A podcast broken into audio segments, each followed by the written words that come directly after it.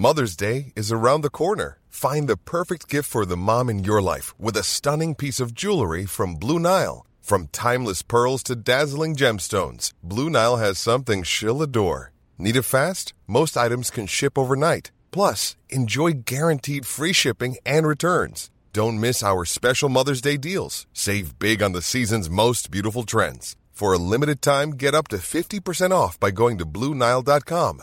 That's Bluenile.com. I'm Sandra, and I'm just the professional your small business was looking for. But you didn't hire me because you didn't use LinkedIn jobs. LinkedIn has professionals you can't find anywhere else, including those who aren't actively looking for a new job but might be open to the perfect role, like me. In a given month, over 70% of LinkedIn users don't visit other leading job sites. So if you're not looking on LinkedIn, you'll miss out on great candidates like Sandra. Start hiring professionals like a professional. Post your free job on linkedin.com/people today. Millions of people have lost weight with personalized plans from Noom, like Evan, who can't stand salads and still lost 50 pounds. Salads, generally, for most people, are the easy button, right? For me, that wasn't an option. I never really was a salad guy. That's just not who I am. But Noom worked for me. Get your personalized plan today at Noom.com. Real Noom user compensated to provide their story. In four weeks, the typical Noom user can expect to lose one to two pounds per week. Individual results may vary. Palmemordet Bo G Andersson del 1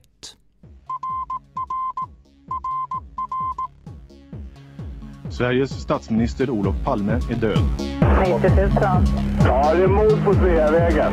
Hörde de säger att det är Palme som är skjuten. Mordvapnet med säkerhet är en Smith Wesson, en revolver kaliber .357. Inte ett svar. Finns inte ett svar. Polisen söker en man i 35 till 40-årsåldern med mörkt hår och lång mörk rock.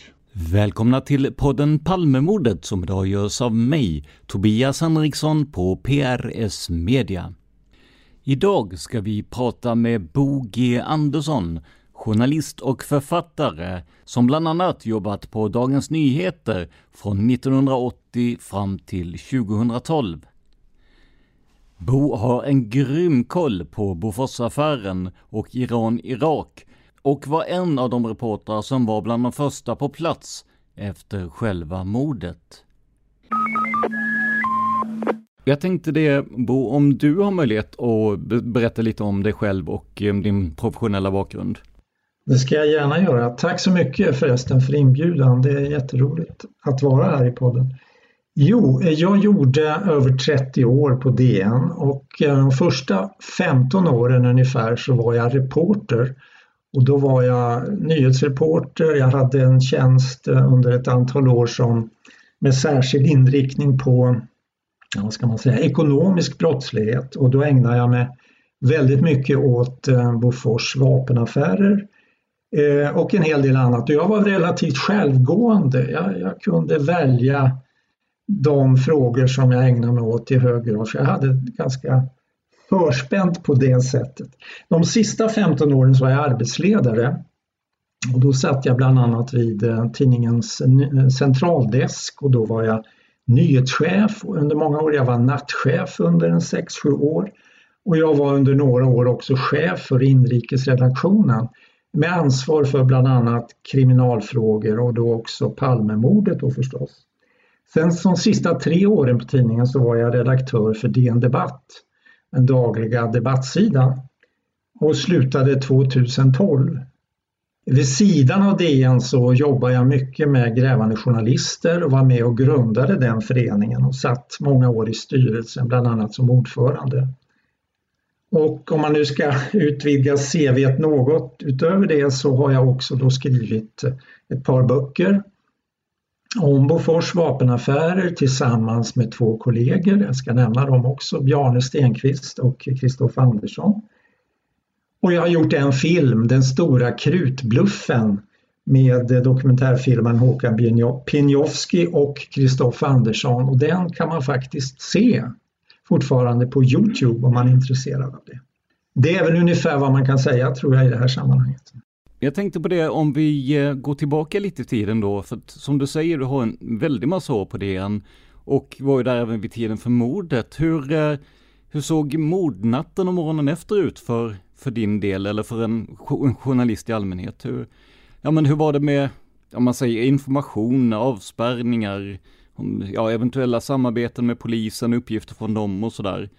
Ja, vid den här tiden för mordet då, då tillhörde jag DNs kriminalredaktion och hade då ansvar för bland annat ekonomisk brottslighet. Och eh, den här mordkvällen, den tillbringar jag som jag brukade göra kanske när det gäller fredagskvällar i familjens hägn så att säga. Och, eh, eh, det var inget speciellt som hände där förrän några minuter efter midnatt och telefonen ringde och vi hade väl precis gått och lagt oss. Och eh, var det nyhetschefen på DN som ringde och sa det att eh, Palme är skjuten eh, och död och så vidare. Kom in tidigt så tidigt du kan imorgon bitti. Vi har redan folk ute på plats och så vidare så du behöver inte komma in nu.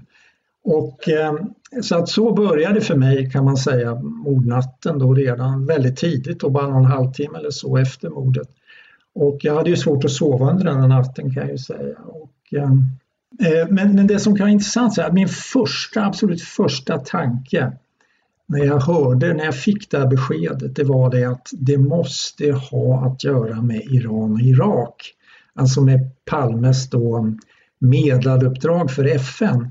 Och att jag kom att tänka på det sådär spontant, det berodde väl naturligtvis på att jag jobbade med vapenaffärerna då för, vid den tiden. Och att det tidsmässigt på något sätt var koordinerat tyckte jag. Men, men, det var intressant och jag har tänkt mycket på det där att det var den spontana tanken. Och, eh, men i alla fall, på morgonen så mm, åkte jag in väldigt tidigt till tidningen och var där säkert vid halv sex-tiden och träffade då min kollega eh, kriminalreporten Roffe Stengård som eh, också var inringd på samma sätt. Och det gällde också nyhetstecknaren Thomas Lampell. Så vi tre, vi åkte tillsammans till mordplatsen då på morgonen. Vi var där före klockan sex till och med tror jag. Och eh, jag minns när vi satt i bilen och åkte dit så föreställde jag mig att det skulle bli väldigt, väldigt svårt att jobba. Jag såg framför mig kravallstaket, stort, ett stort uppbåd av poliser, stockholmare som stod och trängde så att säga utanför avspärrningarna. Eh, men så var det ju inte alls. Alltså det var en känsla av overklighet som, som jag upplevde när jag kom till Sveavägen den här morgonen. Det var i stort sett folktomt. Det var lugnt, det var stilla. Det här var ju en lördagmorgon så folk hade ju normalt sovmorgon. Och eh, sen var det ju det här med avspärrningarna då. Alltså det, var, det var i praktiken ingen avspärrning. Det, var, det hängde ju såna här, jag tror de var, om de var rödvita, de här med plastbanden, hängde ju då lite sådär på trekvart, alltså de låg nästan ner mot marken och det var ett område som var inte större än 10 gånger 15 meter som var avspärrat. Eh, och det tyckte vi var väldigt, väldigt egendomligt. Och innanför de där banden så gick det två polismän från den tekniska roten och jag råkade då känna igen en av dem. Han hette, han hette Börje Moberg. Och eh, vi gick helt enkelt in där då på mordplatsen och klev över de här banden och eh, det, kan man väl, det var väl inte så välbetänkt och det, det är klart att det kanske inte var lämpligt. Men faktum var ju att den här mordplatsen var ju redan, vad ska man säga, kontaminerad vid det här laget. För det hade ju varit ganska många då som eh, på natten som hade gått precis där vid, vid eh, där det hade hänt så att säga och eh, det hade kastats in lite blommor och sådär. Men vi gick in där i alla fall och eh, kunde röra oss fritt där och det märkliga var ju faktiskt att de här poliserna de försökte ju inte avhysa oss på något sätt. Tvärtom, vi gick omkring och småpratade med dem. Men det som, det som slog mig mest det var ju blodpölen. Det var en jättestor blodansamling på ett par meter på längden och kanske en halv meter på på bredden och det var, man förstod direkt där att här är det ju någonting, alltså dels blodförlusten men, men också någonting, ett vapen med en enorm eldkraft. För vid det här laget hade vi ingen som helst uppfattning om vad det var för typ av vapen som hade använts eller så. Eh, så att jag minns att jag, jag stegade faktiskt upp hur långt så att säga blodet hade nått på trottoaren och jag fick det till om det var fem eller sex meter. Och eh, det var ju, ja, det var, det var överhuvudtaget en väldigt konstig känsla och framförallt konstigt att vi kunde röra oss på det viset. Där. Och, eh, ja, det var ju naturligtvis bra på det sättet att Thomas Lampell som var nyhetstecknare, han kunde ju bilda sig en rätt bra uppfattning förstås om eh, avstånd och var på gatan det hade hänt och sådana här saker som han hade nytta av i sitt arbete. Men jag måste fråga då, eh, här kommer ni ju in på, alltså verkligen på mordplatsen som du säger, det, det, det fanns ju, det kunde ju vara både spår och kulor och allt möjligt annat som hade kunnat förkomma eller eh, ja, men flytta till läge och sådär. Om man jämför det med, om vi tar en stor händelse som mordet på Anna Lind eller vad som helst, hur, hur, skulle det, hur såg det ut vid en sån händelse? Har du någon uppfattning om det? Just Anna Lind vet jag inte, jag var inte på platsen eller så, satt då som nyhetschef den dagen och jobbade i och för sig med Anna Lind-mordet också. Men, men, nej, men jag tror att alla, alla begrep nog ganska snart att det här var åt helsike. Och jag har förstått efteråt att chefen då för den tekniska roten, eh, Vincent Lange som var i en pensionsålder nästan då, han han hade redan där på morgonen mer eller mindre gett upp för att han förstod ju att här hade ju många människor rört sig på, på, eller på eh, mordplatsen då på natten och, så, och redan där begicks det ju eh, alltså så här, de första allvarliga felen. Man skulle redan från början förstås på natten ha spärrat av ett stort område och inte för att undvika att folk hade kommit in på det sätt som skedde. Ehm, men det gjordes ju inte, alltså felen begicks på natten kan man säga redan och ehm, hade det hänt idag eller hade det hänt eh, ja, fem, tio år senare så var det klart att man hade hanterat det på ett helt annat sätt. Men, men på något sätt så fanns det någon sorts uppgivenhet, det är det jag menar, att man redan insåg att, att felen hade begåtts där. Men, men sen var det ju så att framåt nio tiden så så blev det ju en väldig utvikning av den här avspärrningen förstås. Men det var först klockan nio på förmiddagen, alltså då hade det ju gått ganska många timmar. Om, om jag inte minns fel eh, så har jag för mig att Gösta Söderström eh, som var eh, befäl och tog på sig det här med att avspärrningen var för liten. Hade du någon, vet du någonting om, ja, om, om, om det stämmer eller varför det blev en så liten avspärrning överhuvudtaget? Nej, det vet jag faktiskt inte alls. Eh, men det är klart att det tog ju ett tag innan, det tog några minuter innan polisen kom dit och det var väl inte så stora styrkor som sattes in. Va? Och det, det var väl det konstiga under natten också, att man inte drog igång liksom hela apparaten. Och, för det har man ju hört från många poliser som, var, som faktiskt var i tjänst den här natten. De togs ju liksom inte i anspråk för att för bevakning och för att eh, ja, stänga så att säga Stockholms innerstad och sådana här saker. I vart fall skedde ju inte det tillräckligt snabbt. Så det, det, det klickade naturligtvis väldigt, väldigt mycket i hela befälföringen och eh, det, det var ju sambandscentralen i så fall som, som skulle agera annorlunda än vad som gjordes.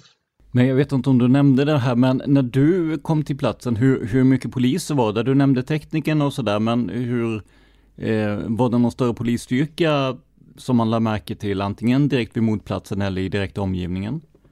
Nej, ingen polisstyrka alls förutom de, de här två personerna, de här teknikerna. De gick alltså med metalldetektorer och det här var ju Alltså det var ju snö och is och grus i eh, blandat så att säga på som täckte trottoaren. Och där gick de lite, ja, och letade lite på måfå med, med sina metalldetektorer.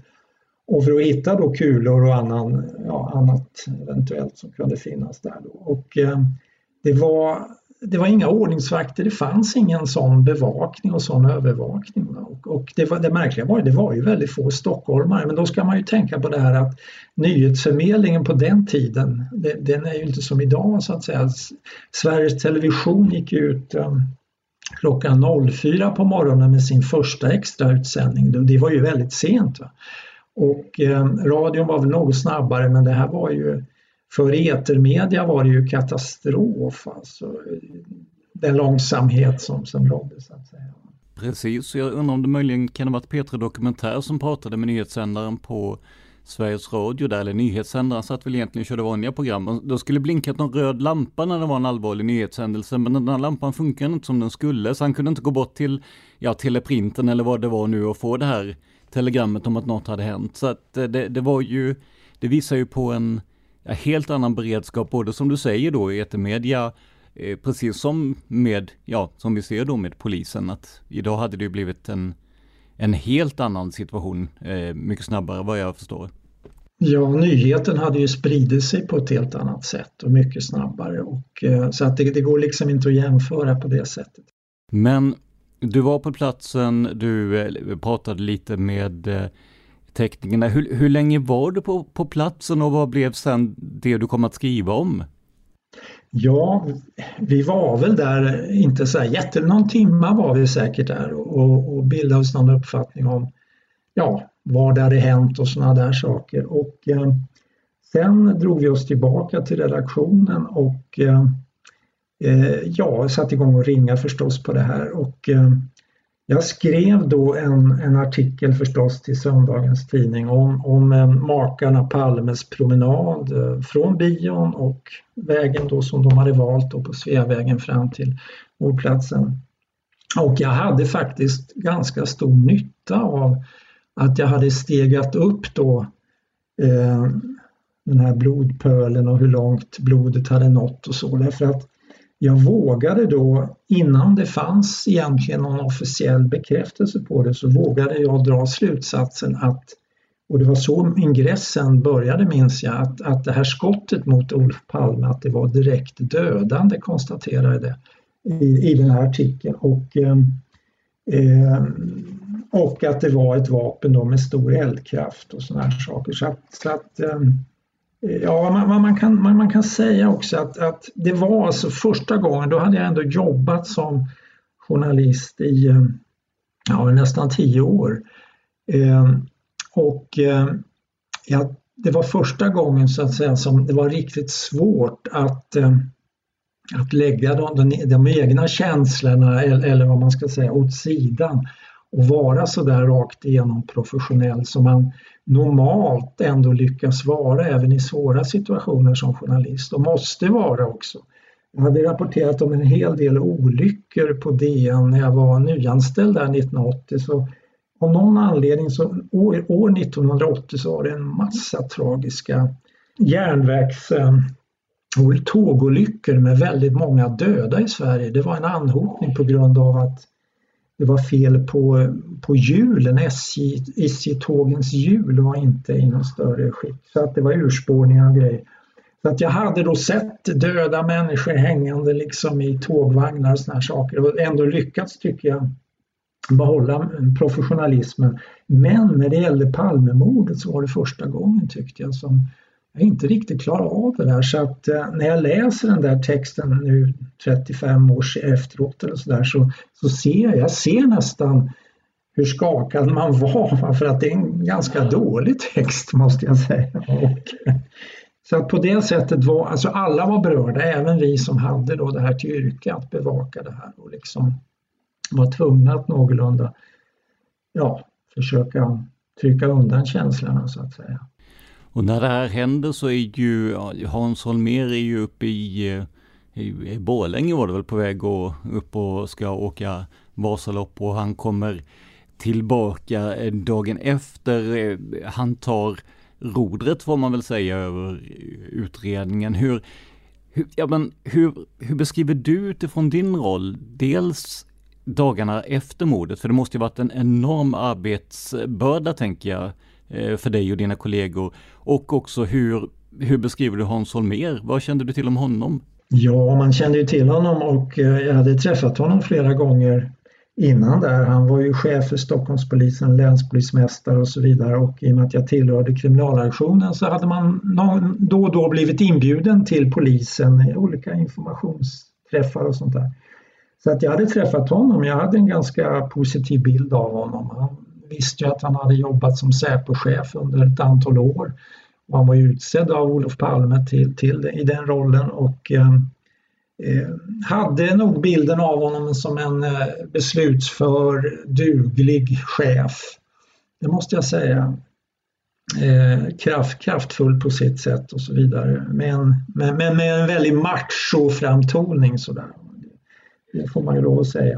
Eh, men eh, nu vet vi ju ganska mycket kanske om hur tillsättningen gick till och så vidare men, men det var nog ingenting som man tänkte på omedelbart och kanske inte heller så mycket på att han inte var någon mordutredare egentligen utan det tog nog ett tag innan den kritiken började komma upp till ytan. Alltså, det fanns ju från början bland poliserna och bland liksom våldsroten på Stockholmspolisen som ju blev överkörd mer eller mindre av honom när han själv, ja, mer eller mindre föreslog sig själv som chef och i princip också satte sig på den taburetten i dubbla, eller tredubbla nästan, eller vad säger man, tri, trippelfunktioner som både länspolismästare, spaningsledare och förundersökningsledare på en och samma gång. Och, eh, eh, så att det där, det där kom väl successivt, liksom den, den insikten om att han kanske ändå inte var så himla lämplig på det där. Men det var nog ingenting man tänkte på från, från, från första början. Men när det gäller tillsättningen och vad man vet då idag så skulle jag vilja säga någonting. Alltså jag menar så här att han föreslog sig själv, han, han tog tag i det, han visade att han ville det här.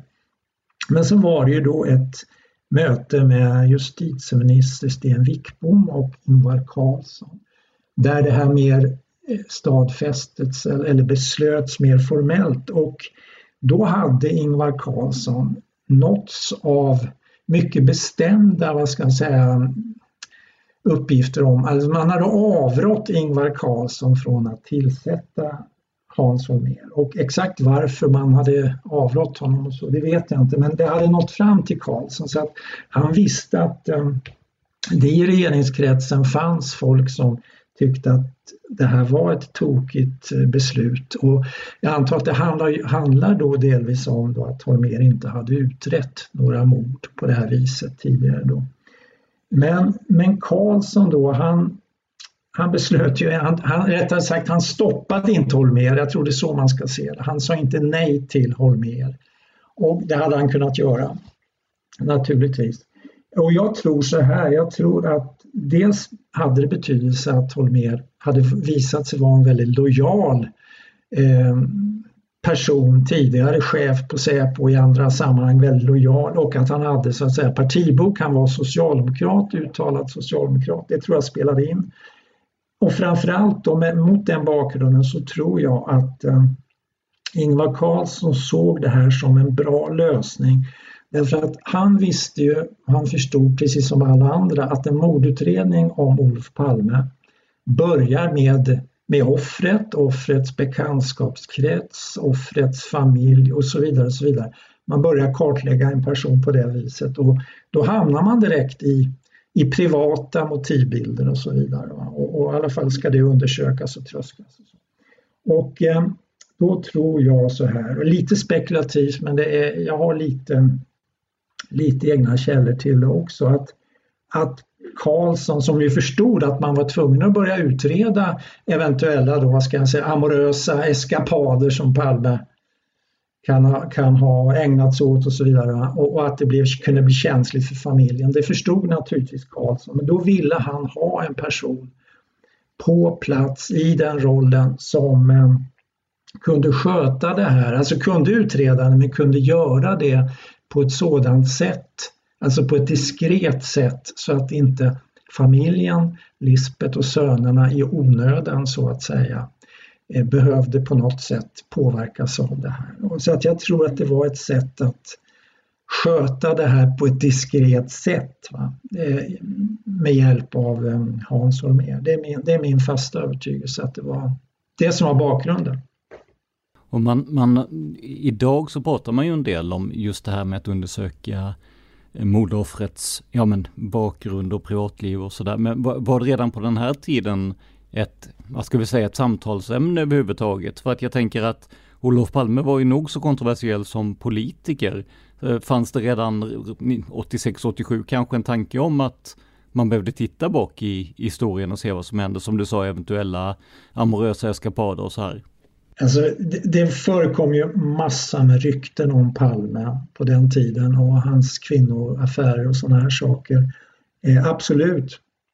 Och det här, det här var ju tvunget att utredas naturligtvis. Men, men, men det var alltså ett, det var på skvallernivå. Mig vetligen var det inga, i vart fall inga av de större redaktionerna, tidningar, radio, tv som någonsin i det läget påstod saker och ting om, om, om hans eh, kvinnoaffärer och såna här saker. Va? Det, det, det gjorde man inte.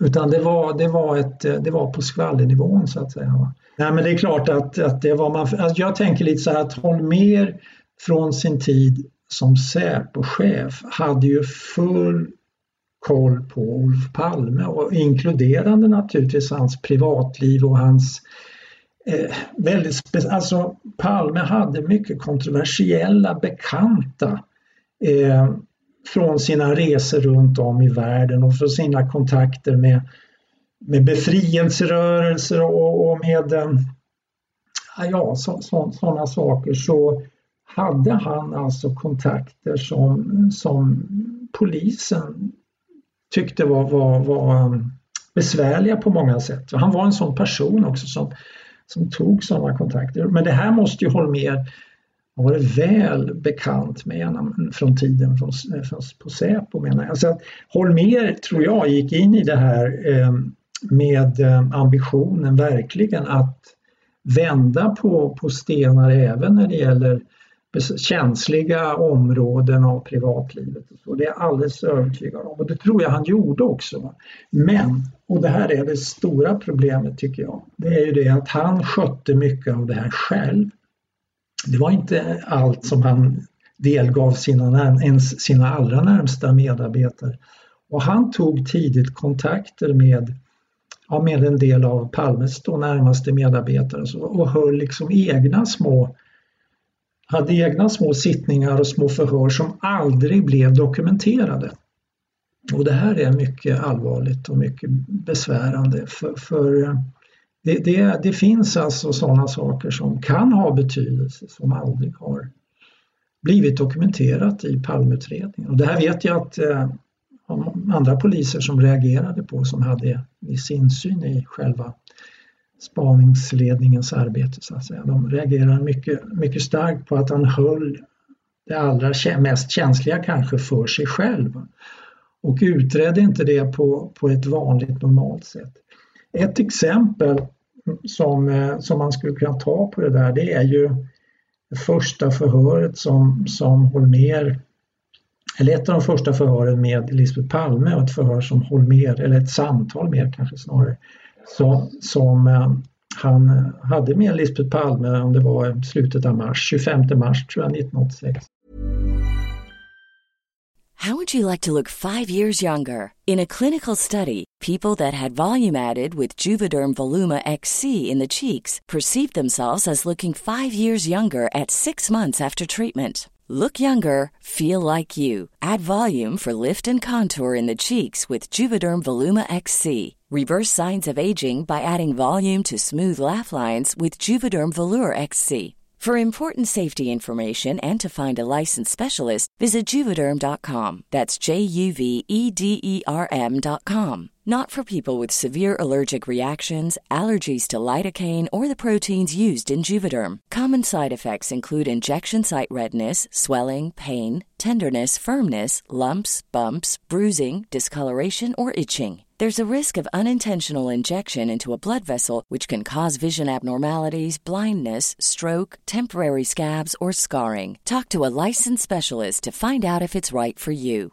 When you're ready to pop the question, the last thing you want to do is second guess the ring. At Bluenile.com, you can design a one of a kind ring with the ease and convenience of shopping online. Choose your diamond and setting. When you find the one, you'll get it delivered right to your door. Go to Bluenile.com and use promo code LISTEN to get $50 off your purchase of $500 or more. That's code LISTEN at Bluenile.com for $50 off your purchase. Bluenile.com code LISTEN. Here's a cool fact a crocodile can't stick out its tongue. Another cool fact you can get short term health insurance for a month or just under a year in some states. United Healthcare short term insurance plans are designed for people who are between jobs, coming off their parents' plan, or turning a side hustle into a full time gig. Underwritten by Golden Rule Insurance Company, they offer flexible, budget friendly coverage with access to a nationwide network of doctors and hospitals. Get more cool facts about United Healthcare short term plans at uh1.com. Men jag tänkte vi skulle återvända till Hans Holmér alldeles strax, men innan dess då. Eh, vad, vad var tankarna både hos dig och hos eh, ja, men kollegor och så här kring själva mordet? Alltså trodde man överhuvudtaget att det skulle gå att lösa inom en överskådlig tid? Eh, eh, ja, vad var dina tankar kring motiv och sådär? Om vi börjar med det här, just trodde man överhuvudtaget att det skulle kunna lösas inom en, en överskådlig framtid? Absolut. Jag, trodde, jag tror att de flesta av oss som jobbade med det här och de flesta också svenskar trodde att eh, svensk, svenska så att säga tidningsläsande och radio och tv-lyssnande allmänheten trodde att det här skulle gå ganska snabbt och kunna lösas kanske inom några veckor eller någon månad eller så. Det var väl den, det perspektiv man hade från början på det, skulle jag tro.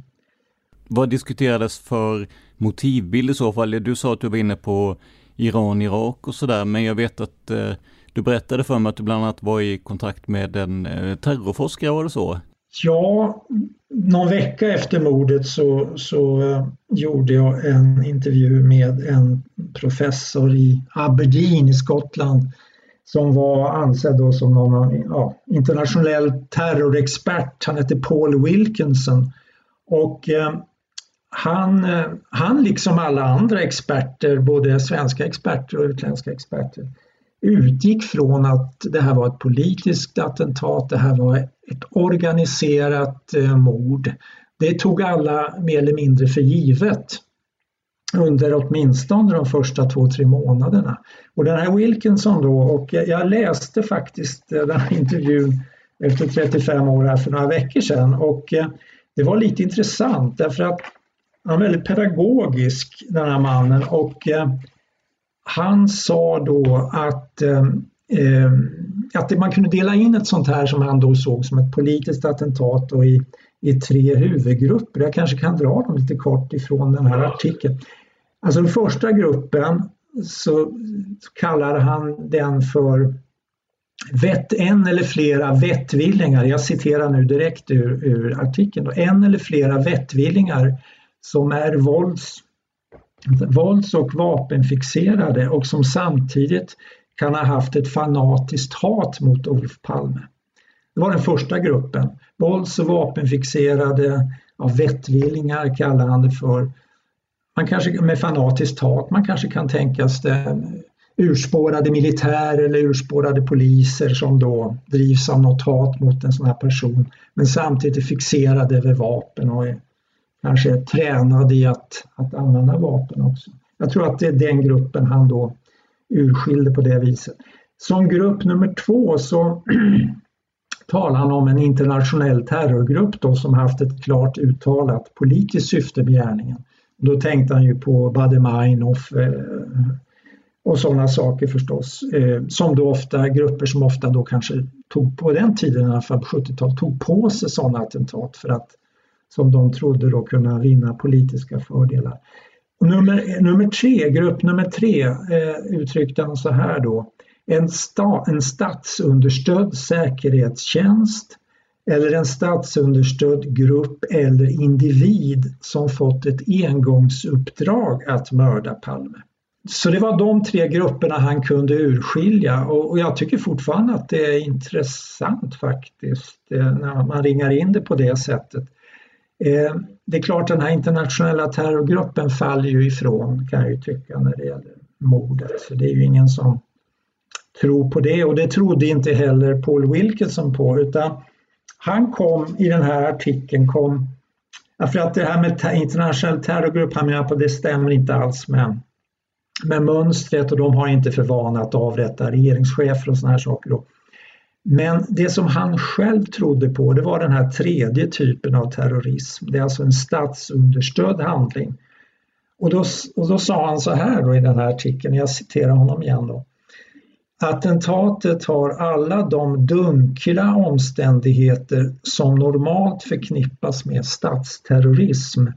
Det är dessutom fråga om ett professionellt utfört dåd. Och sen lägger han till så här, och ni har ju ingen maffiaorganisation i Sverige.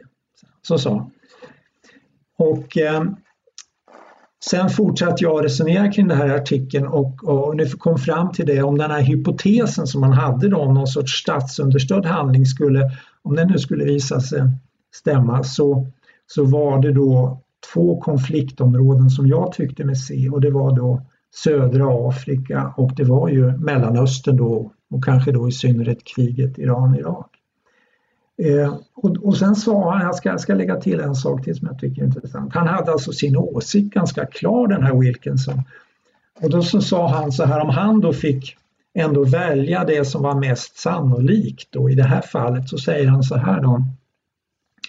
Palmes FN-uppdrag som medlare i kriget mellan Iran och Irak var utan tvivel den farligaste omständigheten för honom. Därför tror jag att vi måste söka den skyldige någonstans i Mellanöstern. Olof Palmes ansträngningar att skapa fred i området kan ha framkallat fanatiska reaktioner. Slut på citatet så att det här tror jag speglar ganska väl hur, hur, hur stämningarna var där första veckorna. Och det, det går ju i linje med det, det första du tänkte på sa du ju när eh, när du fick reda på att det här hade skett? För det var väl Iran-Irak du var inne på då? Ja, och, men det hade ju att göra med att jag höll på som sagt med, med vapenaffärerna. Och det, det man, man måste komma ihåg att 1985 var väldigt intressant på det sättet att det var då Boforsaffärerna var under uppsegling.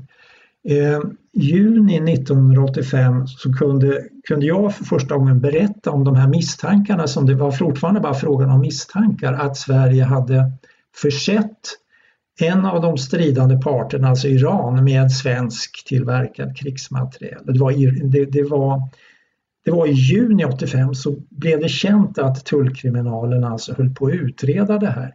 Men sen under hela hösten så svällde den här utredningen och eh, eh misstankarna mot Bofors stärktes och så vidare. Så när vi, när vi kommer fram på andra sidan då årsskiftet här, början av 86, så var det här en, eh, för Palme, en mycket besvärande sak därför att Irak hade ju börjat protestera mot det här. Alltså Irak läser ju även svenska tidningar, så att säga, de irakiska utsända diplomaterna i Sverige och eh, hade ju börjat uppvakta Palme och då tryckte de ganska hårt på det här att nu, nu, får, nu får du göra någonting. Alltså det, det var inte bara en uppvaktning utan det var åtskilliga sådana uppvaktningar. Så att Irak satte Palme under viss tryck här alltså under de här månaderna för. Sen säger inte jag att liksom Iran, Irak som jag ser det idag nödvändigtvis är det mest intressanta men, men jag försöker ju spegla hur man tänkte då och min första reaktion för 35 år sedan. Idag har jag ju kanske en mer, mer komplex syn på det där, där till exempel om man nu ska tänka på eventuella internationella motiv så tycker jag ju kanske att eh, Moskvaresan som han skulle ha gjort då i april 86 är minst lika intressant som Mellanöstern. Förstår? Det pratades om Olof Palme som landsförrädare, det pratades om att han skulle sälja ut oss till, till Ryssland eller Sovjet på den tiden. Är det en, i så fall att du tänker att det här skulle ha triggat en inhemsk eh, grupp eller tänker du att, att hotet i sig kom från, från öst så att säga? Det kan alltså det är väl antingen eller där. Det kan ju vara både och. Det kan ju vara en inhemsk svensk motivbild som, som du säger med någon sorts landsförrädarhypotes eller så och det kan också vara från, annan, från den andra sidan, från, från ryskt håll så att säga, eller sovjetiskt håll. Det, det kan vara både och, tänker jag. Men när eh, utredningen drar igång, man, eh, så, ja, man hittar ju om naturliga skäl ett antal olika personer som är intressanta. Det kommer in en väldig massa tips, bland annat eh, blir Viktor Gunnarsson snabbt eh, aktualiserad, eller relativt snabbt eh, aktualiserad. Han är för övrigt, eh, vad ska vi kalla den, bygranne med, med mig, eller rätt sagt han är uppväxt nere i Blekinge då, där jag sitter. Eh, hur, hur, ser det ut på en tidningsredaktion då, måste jag ju fråga, när en sån här stor sak har hänt? För ni måste ju också fått in en väldig massa tips, tänker jag. Ja, det kom, in, det kom naturligtvis in mycket tips och eh, nu var det ju lite speciellt, alltså det vet vi ju idag och det, det, visste vi inte under första halvåret. Men det var ju faktiskt så att eh, eh chefredaktören på DN och det här vet du kanske säkert eh, eh, kom ju överens med Hans Holmér om ett särskilt arrangemang där eh, eh, en, en, en medarbetare på tidningen placerades ja, inte placerades, men, men hade möjlighet att träffa Hans Holmér löpande från i stort sett första veckan under åtminstone ett halvår framåt då regelmässigt och med, med, med det, det, villkoret att tidningen inte skulle rapportera någonting. Och det hör, alltså jag måste, måste säga det, för det hör ju till saken att vi då som var ansvariga reportrar, det var jag, det var Rolf Stengård och en kille som heter Kjell Öberg som huvudsakligen jobbade med det här i början vi kände ju inte till det här, det här skedde ju bakom ryggen på oss. Va? Så att eh, Tidningen hade ju på det sättet genom den här personen eh, insyn men vi hade ju naturligtvis inte någon sån insyn då. Och, eh, eh, det, när vi fick veta det här så småningom i augusti, i september var det kanske, så, så protesterade vi förstås för vi tyckte att det här var ett helt galet upplägg och sådär. Men det, det, är en annan sak och man kan säga mycket om det, jag kanske inte ska gå in på det här men, men eh, det hör ändå till bilden eh, så småningom. Men, men, första tiden så, så jobbade vi på naturligtvis som alla andra redaktioner. Men, men, men, det var ju, man hade på något sätt jämnt skägg att klara, precis som du säger, tips, tips, de inkommande tipsen och, och klara presskonferenserna, klara allt det här löpande. Eh, nu kanske det inte var jag som, som drog det tunga lasset därvidlag utan det var, det var nog mina kollegor framförallt för jag fortsatte parallellt som jag jobbade lite grann med Palmemordet så fortsatte jag med vapenaffärerna för de var fortsatt intressanta och så, där, så att jag hade lite olika uppgifter. Men visst var det en väldigt intensiv arbetsperiod, absolut.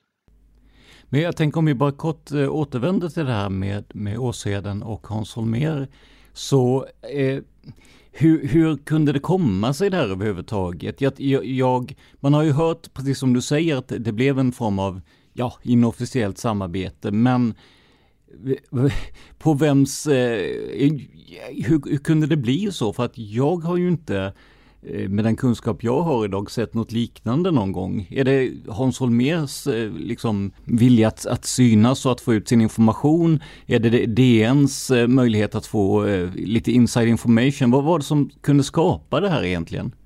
Ja, alltså det, den som var, vad ska jag säga, ingenjören eller, eller mellanhanden i det här sammanhanget, det var ju vad jag förstår i alla fall Ebbe Karlsson som eh, som dök upp även i det här sammanhanget och som kände vår chefredaktör Kristina Götterström väl sedan tidigare. Och, eh, om det var Kristina eller om det var han som tog den ursprungliga kontakten, det låter jag vara osagt. Det, det, vet, det vet inte jag exakt. Men, men det är klart att det fanns ju ett intresse då från båda håll, självklart. Men jag tror, jag, jag, tycker, jag tyckte då och jag tycker i ännu högre grad idag egentligen att det här var så oerhört naivt av Dagens Nyheter att gå in i en sån här överenskommelse. Därför att vi hade ju väldigt mycket att förlora på det, vi hade väldigt lite att vinna på en sån här uppgörelse. Medan däremot Holmer, det är ju enklare att se hans bevekelsegrunder. För att han kunde ju till att börja med lägga, alltså lägga till rätta den berättelse som han gav då Ann-Marie Åsheden det var ju, det var ju inte så att han satt och berättade om, om den, de känsliga sakerna i polisutredningen, utan det var en friserad version som han gav henne. Så han kunde ju på något sätt förbereda historieskrivningen om sin egen hjälteinsats så att säga, som han då såg framför sig den dag han hade löst mordet. För då skulle ju Sveriges största morgontidning berätta förstås hans story, hur han hade löst detta mord och så vidare. Och så, vidare.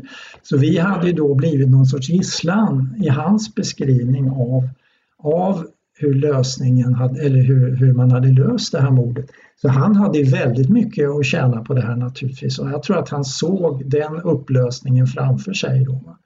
Eh, men eh, för tidningen var det ju, var det ju mer diskutabelt och, och att man inte förstod då att Holmer så att säga friserar och lägger till rätta den här berättelsen när han sitter på de här nästa, i början nästan dagliga mötena eller i varje fall flera gånger i veckan som han träffar då Ann-Marie Åsheden och, och, och, eh, berättar om, om eh, det fortlöpande spaningsarbetet. Vi vet ju idag vad han, in, så att säga, vad han inte berättade för henne va? och han berättade ju inte om buggningarna av PKK-arna naturligtvis och han berättade ju inte om sin stora konflikt med Lisbeth Palme, eh, i alla fall inte fullt ut och han, han berättar inte om sådana här saker eh, vad jag förstår då. Så att eh, det var tillrättalagt och, och eh, vi, eh, vi blev ju uppbundna kring det och det här var ju väldigt olyckligt va? för att när det blev känt då för oss att, att den, det här arrangemanget eh, hade pågått en halvår utan vår kännedom så som jag sa, vi protesterade naturligtvis både internt och vi gick även ut offentligt och protesterade och det blev en väldig diskussion och Kristina Götterström blev ju väldigt ifrågasatt. Och, och, vi tappade ju också lite förtroendet, det måste jag säga, alltså för, för redaktionsledningen efter det här. Och, och, det här ledde ju då tyvärr till att Rolf Stengård lämnade tidningen. Eh, och eh, jag hade säkert gjort detsamma om jag inte hade känt ett ansvar och, och, och var så engagerad i det här, de här vapen, den här vapenrapporteringen. Så hade jag säkert gjort samma sak. Jag funderade faktiskt på det.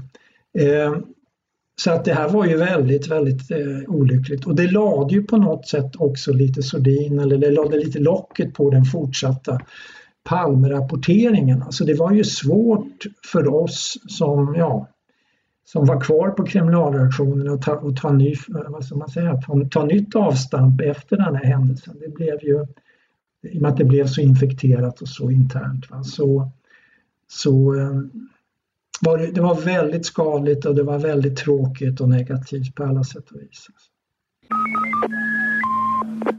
Med det säger vi tack till Bo G Andersson för den här gången. Men både han och jag återkommer nästa vecka med fler frågor och funderingar kring just Palmemordet. Om du vill sponsra oss, gå gärna in på patreon.com palmemordet och donera en summa som podden får per publicerat avsnitt. Det är alltså patreon.com palmemordet. Övriga sätt att donera på finns i avsnittsbeskrivningen. Det här var veckans avsnitt av podden Palmemordet som idag gjordes av mig, Tobias Henriksson på PRS Media. För mer information om mig och mina projekt besök facebook.com prsmedia.se eller gilla oss på Instagram där vi heter PRS Media, ett ord, små bokstäver. Stort tack till alla som kommer med tips, uppmuntrande ord och kommentarer. Men framförallt, stort tack för att du lyssnar på podden Palmemordet. Man hittar Palmes mördare om man följer PKK-spåret till botten. För att ända sedan Julius Caesars tid har det aldrig hört talas om ett mord på en framstående politiker som inte haft politiska skäl. Polisens och åklagarens teori var att han ensam hade skjutit Olof Palme. Och det ledde också till rättegång. Men han frikändes i hovrätten.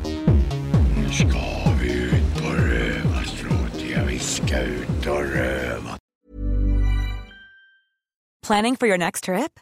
Elevate your travel style with Quince. Quince has all the jet-setting essentials you'll want for your next getaway. Like European linen, premium luggage options, buttery soft Italian leather bags, and so much more. And is all priced at 50 to 80% less than similar brands. Plus, Quince only works with factories that use safe and ethical manufacturing practices. Pack your bags with high-quality essentials you'll be wearing for vacations to come with Quince. Go to quince.com slash pack for free shipping and 365-day returns. Want flexibility? Take yoga. Want flexibility with your health insurance? Check out United Healthcare Insurance Plans. Underwritten by Golden Rule Insurance Company, they offer flexible, budget-friendly medical, dental, and vision coverage that may be right for you. More at uh1.com. Planning for your next trip? Elevate your travel style with Quince. Quince has all the jet-setting essentials you'll want for your next getaway, like European linen, premium luggage options, buttery soft Italian leather bags, and so much more. And is all priced at 50 to 80% less than similar brands. Plus, Quince only works with factories that use safe and ethical manufacturing practices. Pack your bags with high-quality essentials you'll be wearing for vacations to come with Quince. Go to quince.com slash pack for free shipping and 365-day returns.